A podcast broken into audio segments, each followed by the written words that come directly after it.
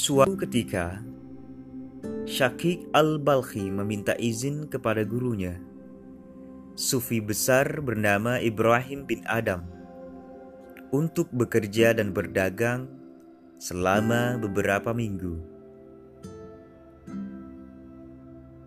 Baru tiga hari berlalu, Ibrahim bin Adam dikejutkan dengan kedatangan Syakik al-Balkhi Keheranan menyergap hati Ibrahim bin Adam.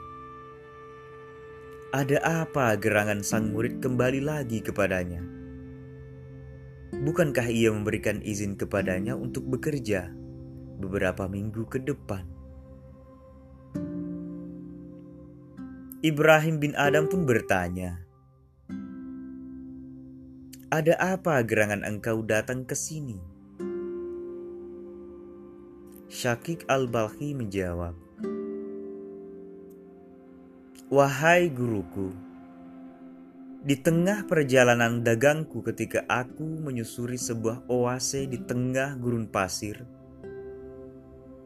aku pun melihat seekor burung kecil yang patah sayapnya. Burung kecil ini tak dapat lagi terbang dan mencari makan akan tetapi, tiba-tiba dari arah langit datanglah seekor burung besar yang membawa makanan di paruhnya. Burung besar tersebut datang untuk menyuapi burung kecil yang patah sayapnya itu. Ibrahim bin Adam pun memberikan petua kepada Syakik al-Balkhi. Wahai muridku, seperti itulah seharusnya manusia berbuat saling menyayangi di antara mereka, seperti halnya burung besar yang engkau lihat dalam perjalanan dagangmu. Tetapi mengapa engkau kembali ke sini dan meninggalkan perdaganganmu?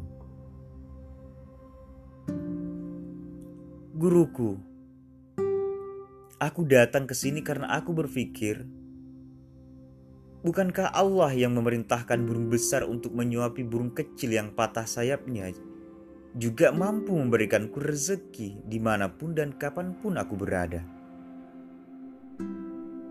Aku akan meninggalkan seluruh usaha perdaganganku dan berdiam diri di masjid untuk beribadah kepada Allah. Dan pasti Allah memberikan rezeki kepada seluruh hamba-hambanya. Jawab Syakik al-Balkhi. Ibrahim bin Adam pun memberikan nasihat yang sangat bijaksana. Wahai muridku, apakah engkau mengira dengan engkau beribadah dan meninggalkan seluruh usahamu, meninggalkan perdaganganmu, niscaya engkau meraih ridho Allah? Mengapa engkau tidak meniru burung besar? Yang memberikan makan kepada burung kecil yang patah sayapnya. Burung besar itu berusaha mencari makan dan memberikan kepada burung kecil yang kesusahan. Apakah engkau belum mendengar sabda Rasulullah? Tangan di atas lebih baik, lebih mulia dari tangan di bawah. Orang yang memberi lebih baik daripada orang yang meminta-minta. Syakik al-Balkhi pun terdiam seribu kata. Ia pun meminta permohonan maaf kepada gurunya.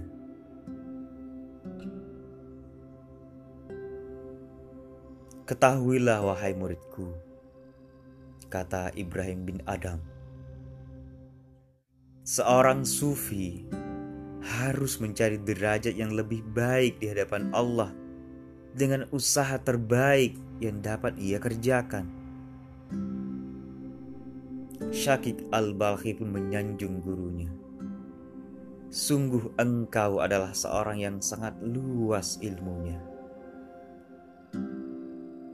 Teman-teman sekalian, kisah ini memberikan kita gambaran bahwa ulama sufi bukanlah ulama yang sekedar berpasrah diri kepada Allah, yang hanya beribadah berdiam diri di masjid,